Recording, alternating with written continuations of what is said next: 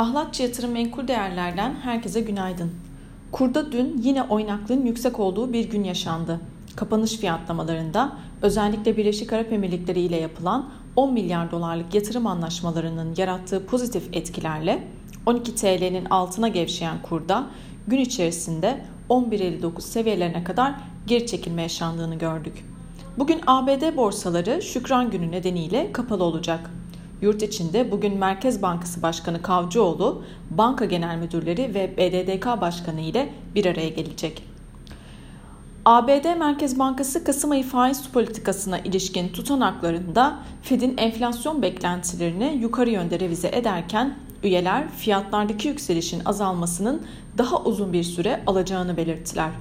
Fed'in son toplantısına ait tutanaklarda yetkililer yüksek enflasyonun devam etmesi durumunda varlık alım azaltımı ve faiz oranlarını yükseltmek için daha hızlı hareket etmeye açık olduklarını belirtti.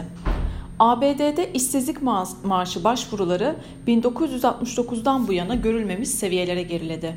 Ekim ayında kişisel gelirler %0,5, harcamalar %1,3 ile tahminlerin üzerinde arttı. Üçüncü çeyrek büyüme verisi %2'den %2,1'e revize edildi. ABD borsaları dün günü sınırlı yükselişle kapattı.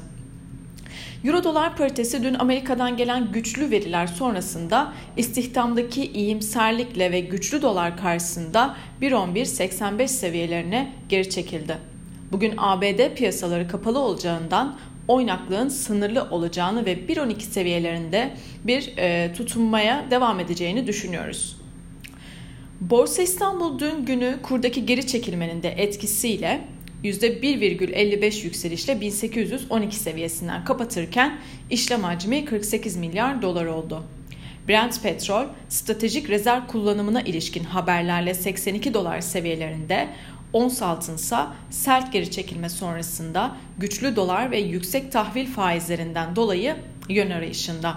Şu anda 1792 dolar seviyelerinden işlem görüyor.